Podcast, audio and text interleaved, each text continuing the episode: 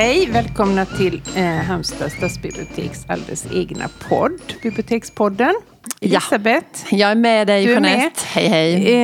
Eh, hej, idag var det så att vi egentligen skulle ha en gäst så vi hade Mm. strukit och eh, kammat mittbena och sträckt upp oss helt i onödan. Ja, för gästen kommer inte. Gästen lämnade återbud med väldigt kort varsel. Men som vi brukar göra i sådana här situationer, vi har råkat ut för det en gång tidigare, Mm. då var det Gustav Fridolin som skulle komma och inte kom. Och då gjorde vi ändå ett avsnitt som faktiskt blev väl så bra som det skulle ha blivit Ja, om han var här. Säger vi. Det är ungefär enligt eh, Lundells devis. En inställd spelning är också en spelning. Ja. Ja, men nu var det i alla fall Fatima Bremme som vi hade bjudit in. Och Mm. om inte namnet är jättebekant så är nog hennes bok det. För hon har skrivit eh, den Augustprisbelönade boken Ett jävla solsken. ja, underbar titel. Vi älskar den titeln. Ja. Särskilt när folk kommer in och är lite uppeldade. Var det ett jävla solsken? Jag vill ha ett jävla solsken. Ja. Ja. Eh, nej men eh, för Fatima Bremmer som skrev den här boken då. Sa vi att det handlade Nej, om Ester Blenda. Nordström. Som är en eh, fantastisk kvinna. Vi ska prata om hennes liv och verk. Men det jag skulle säga först det var att hon var ju här på biblioteket inför en stor publik i en varmaste sommarkvällen i mannaminne. Eh, och pratade om just ett jävla solsken. Ja. Ja, men vi gör det ändå. Eh, vi har läst och vi har eh, sett dokumentärer och vår samlade erfarenhet ska nog ge en bild av. ja, och de minnesgoda lyssnarna kanske kan... Vi har varit inne i podden, i någon av de, poddens barndom, Ja, så då. pratade vi. Om inte hela programmet handlade om Ester Blenda så handlade det om, om pigor Ja. eller om wallraffande. Var ju så hon blev känd från början. Hon var ju journalist och vi ska väl säga det att hon levde 1891 föddes hon och dog 1948 så hon blev ju inte lastgammal. Men hon hade ju ett liv som innehöll mer än många som har levt ett tredubbla tiden. Ja. Får man säga. Men hon blev mest, från början blev hon väl mest känd för den här Ja. Det började med en artikelserie som hon skulle göra för Svenska Dagbladet. Om hur har pigorna det egentligen. Så då tog hon tjänst. Hon kom ifrån en väldigt liksom, välbärgad och Ja, eh, men hon, hon kände ändå till miljön, lantbruksmiljön. Det Eh, gjorde för hon. annars hade det varit svårt. Ja, men själva det här handfasta arbetet var väl ändå ganska Ja, men hon kunde ju främmande. mjölka och sådär, för det var ju det hon fick göra som piga. Eh, Ja. Och hon måste ju ha varit en av de första svenska kvinnliga journalisterna.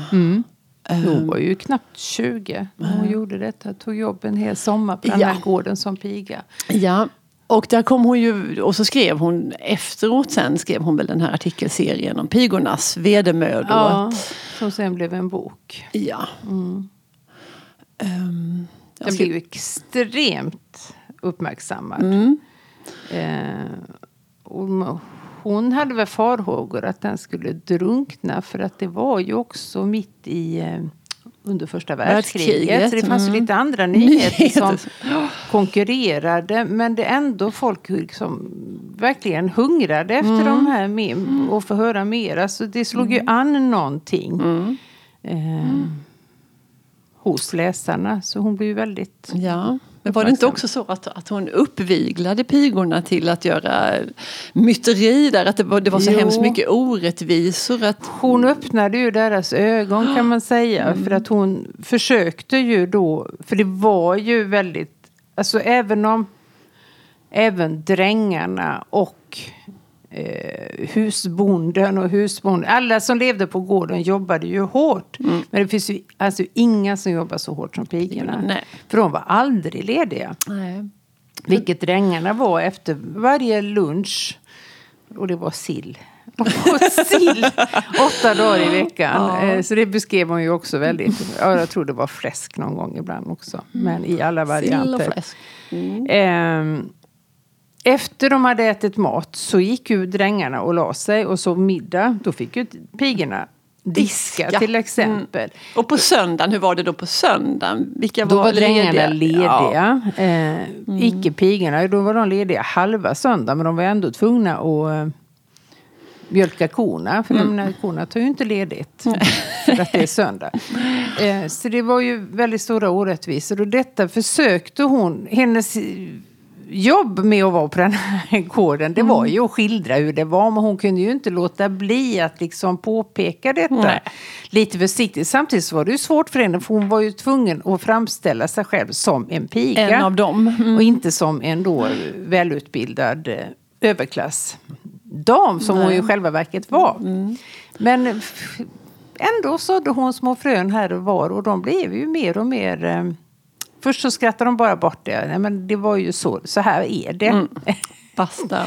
det är ingenting som vi kan göra någonting åt. Men eh, sen försvann väl den här sporren när Ester Blenda försvann. Och det fick ju andra konsekvenser också som hon inte alls Ja, hade till hur avsikt. var det med bonden? Nej, men han, det var ju anonymiserat i artikeln men alla fattar ju som bodde i det, fattar ju vem det var. Han, särskilt husbonden framställdes ju inte i någon sån här jättesmickrande dager att han drack väl mycket och vilade mycket.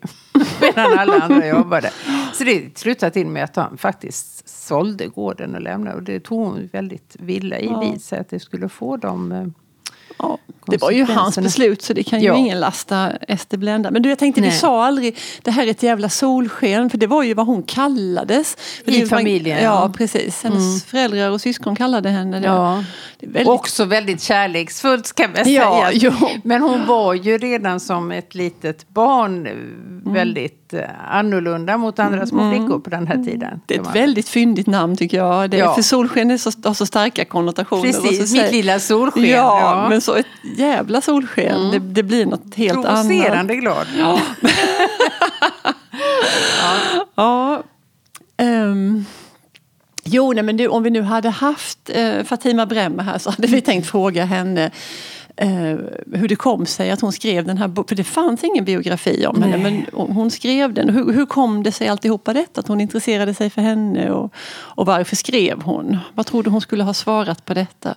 Men jag tror så här att den här boken eh, som Ester Blenda Nordström skrev om eh, wallraffandet på gården som heter En piga bland pigor har ju kommit ut i alltså 9-10 upplagor, vilket är smått otroligt. Den senaste kom 2013. Så hon har ju ändå funnits i medvetandet.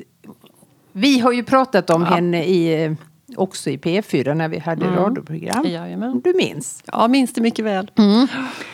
Eh, och det jag har hört om eh, Fatima Bremmer det var att hon gick och väntade på någon måste skriva en biografi om den här människan. Och ingen gjorde det. Så då gör jag, jag det tänkte hon.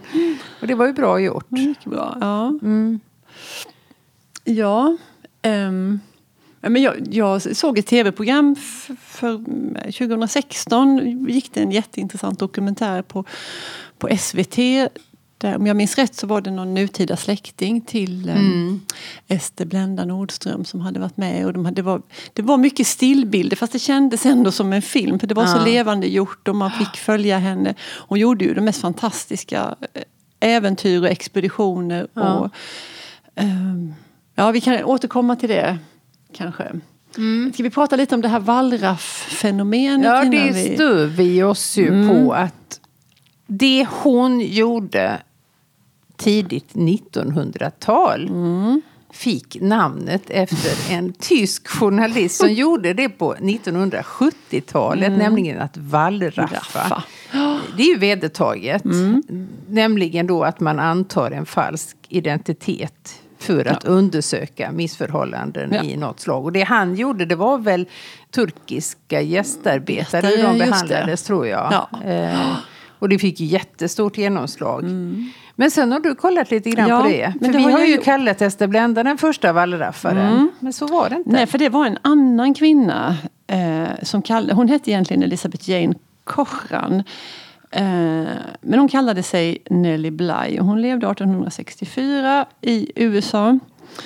Och hon var en undersökande journalist och hon var ju långt före ens Günther Wallraffs anfäder ens var påtänkta så sysslade hon med detta.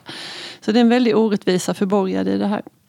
Vi ska inte orda så mycket om Nelly men hon gjorde ju en Eh, hon, eh, eller hon intresserade sig för, eh, för kvinnans roll och att, att den var så inskränkt till hushållsarbete och mm, de där klassiska sysslorna. Detta störde hon sig på. Eh, och hon, eh, hon, ja, hon, hon, skrev om detta och, och, blev publicerad. Och till slut så, så fick hon ett, eh, ett jobb på en tid, tid, dagstidning i Pittsburgh. Och hon fick liksom hålla på med det hon var intresserad av. Och ett annat mer känt reportage som hon gjorde det var när hon la in sig på ett mentalsjukhus mm. eh, för att ta reda på de förhållandena där. Väldigt modigt, för jag menar, tänk om hon inte hade blivit utskriven. Nej, hon hade väl också kontakter för det var en advokat som fick hjälpa henne ut sen. Ja. Uh, fantastiskt. Det hade ju varit ett effektivt sätt att tysta henne. Ja, man. verkligen. Och visst, spä på ja, sjukdomsbilden hon måste där. Vara galen. ja. ja. Mm. Så det finns ju andra än Günther ja. som har ägnat sig Men det är detta. på något sätt symptomatiskt att det blir då en man som... Eller hur. Nästan hundra år senare får mm. epitetet. Ja. Mm. Ha, vad var vi nu i våra... Uh, Ja, vi har lite spridda punkter där. Det står mm. hundar utropstecken. ja. Vi försöker ju alltid eh, få in det. Mm. Men vi, ja, precis. För Ester Blenda Nordström var en sann hundvän. Ja.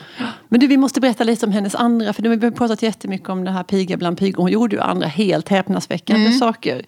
Efter detta, ja. ja så. Hon blev ju också så folkkär. Och sen kan man också säga, det var inte bara det att hon gjorde det här nya greppet. Utan hon förnyade ju journalistiken genom sitt sätt att skriva. Mm. Att hon skrev på ett väldigt personligt sätt mm. till skillnad mot det här eh, torra som Objektiva, så sakliga. Det var det som mm. slog an mycket hos folk mm. också. Eh, hon tog jobb som samelärare mm. eh, och skrev, och då var hon ju Alltså hon fick ju till och med genomgå en utbildning innan. Så det, det, det var inget wallraffande inblandat det. Men det var att då skulle hon ju komma det tror inte jag var i uppdrag av tidningen när jag tänker närmare efter. Nej. Utan det var för att hon själv hade ett patos. Hon, hade, hon var så dubbel också som framkommer i den här boken mm. Eh, ett jävla solsken. Att dels hade hon, ville hon befinna sig i det här hetluften på redaktionen och skriva. Och ja. det, hon var ju en del av de här eh, ligan, Pennskaften, ah, Elin Wägner och alla ja. de här. Jajamensan. Mm. Och det var ju fest och glam mm. och tjo och kim. och hårt arbete. Men sen hade hon också en dragning till det här enkla livet mm. och naturen och mm. djuren. Och hela tiden liksom det drogs fram och tillbaka mm. de här olika behoven. Men då åkte hon i alla fall upp till eh, Lappland någonstans mm. och tog jobb som lärare för mm. samebarn och skrev mm. boken Kåtornas folk. Ja, som också hon. kommer till ny utgåva ganska nyligen. Ja. Hon skrev barnböcker. Ja, det gjorde hon. Och hon gav sig iväg på en helt makalös expedition. Mm. det vet jag att de pratade om i det här tv-programmet. Att det var helt, och för att få följa med, vart var det nu den gick då? Ja, till var, Kamchatka? Ja, typ. till den byn i vulkanens skugga. Eh, där beskriver ja. hon ju den expeditionen. Och det var en sån forskningsexpedition. För att överhuvudtaget få följa med så var hon tvungen att ingå skenäktenskap med ja. någon av forskarna. För att annars fick inte en ensamstående kvinna Nej. haka på sådär. Nej. Så hon gifte sig på riktigt, fast det var på låtsas med den av männen där. Och så följde hon med dem. Helt, vilka umbäranden ja, och precis. vilken Nej, hon, sak det här, att göra. Sån drivkraft som hon mm. hade. Mm. Och även om vi tycker att det är imponerande idag eh, så kan man ju bara inte, eller vi kan inte föreställa mm. oss hur det var på den tiden. Mm. Och hon klädde sig i byxor, hon körde motorcykel, ja, hon rökte pipa tror jag. Helt mm. otänkbart mm. Eh, för en kvinna. Men hon lät sig liksom inte stoppas in i ett fack. Eh, sen hade hon ju bekymmer på det personliga planet också. Att mm. hon Eh, var ju homosexuell. Ja. Och det, det var ju, inte att vara kriminellt. Mm, ja, precis. så. Mm. Mm. Jag tror inte ens man kunde föreställa sig två kvinnor. Det var nog så Hon hade väl en livslång relation med en kvinna som hette Karin. Ja. Har jag för mig. Och det hette väl att de var väninnor. Precis. Det var ju lättare för kvinnor på det sättet. Mm. För de kunde ju ha eh, ett väninneförhållande. Det var nog svårare för män. Mm. För de har ju oftast inte det. den utvägen så. Nej. Men, det är ju mycket av de breven emellan dem bevarade mm. i boken också. Mm.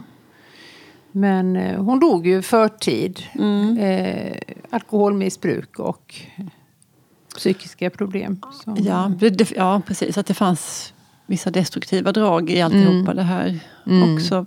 Vilket ju inte ska förminska hennes insatser Nej, på något vis. Men något självförbrännande i det Mm, också. mm. Eh, sen Ja. emigrerade hon ju, eller hon tog eh, rygg på några som gjorde det. Ja, Eh, och och skrev naturligtvis bok om det, Ja, som heter amerikanskt. Ja. Och följde de här nybyggarna i Mm. USA. Ja. Och alla de här titlarna som vi har nämnt här nu, de finns här på Stadsbiblioteket Mm. eller i vårt system. Så det går bra. Ja. Ska vi repetera dem? En piga bland pigor. Kåtornas folk. Ja, och sen så har vi skrivit barnböcker, för det är flera barnböcker Ja. där. Och jag tror, är det inte lite sådär att de är eh, touch av Pippi Långstrump-aktiga? Mm. Sådär att det finns... Rackarungar, eller rackarungen är det någon som Mm. heter. De är nog lätt kamouflerade i hennes egen barndom tror Ja. jag, utan att ha läst dem. Precis. Eh, och så finns det då den som heter amerikanskt. Och byn i vulkanens skugga. Ja.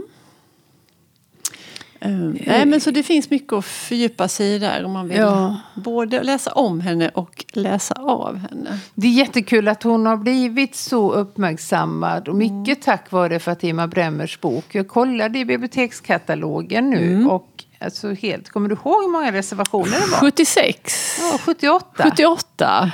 Det kanske Det- är 80 nu under tiden vi har suttit och pratat. Precis.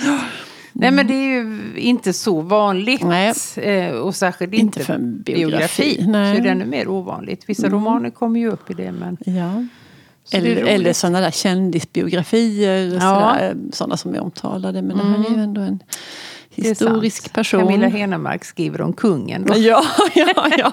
Mikael Persbrandt Ja. viker ut sig. Ja. Nej, men det var väl vad vi hade att säga här och nu idag. Mm. Ha det så gott där ute. Hej då! Hej då!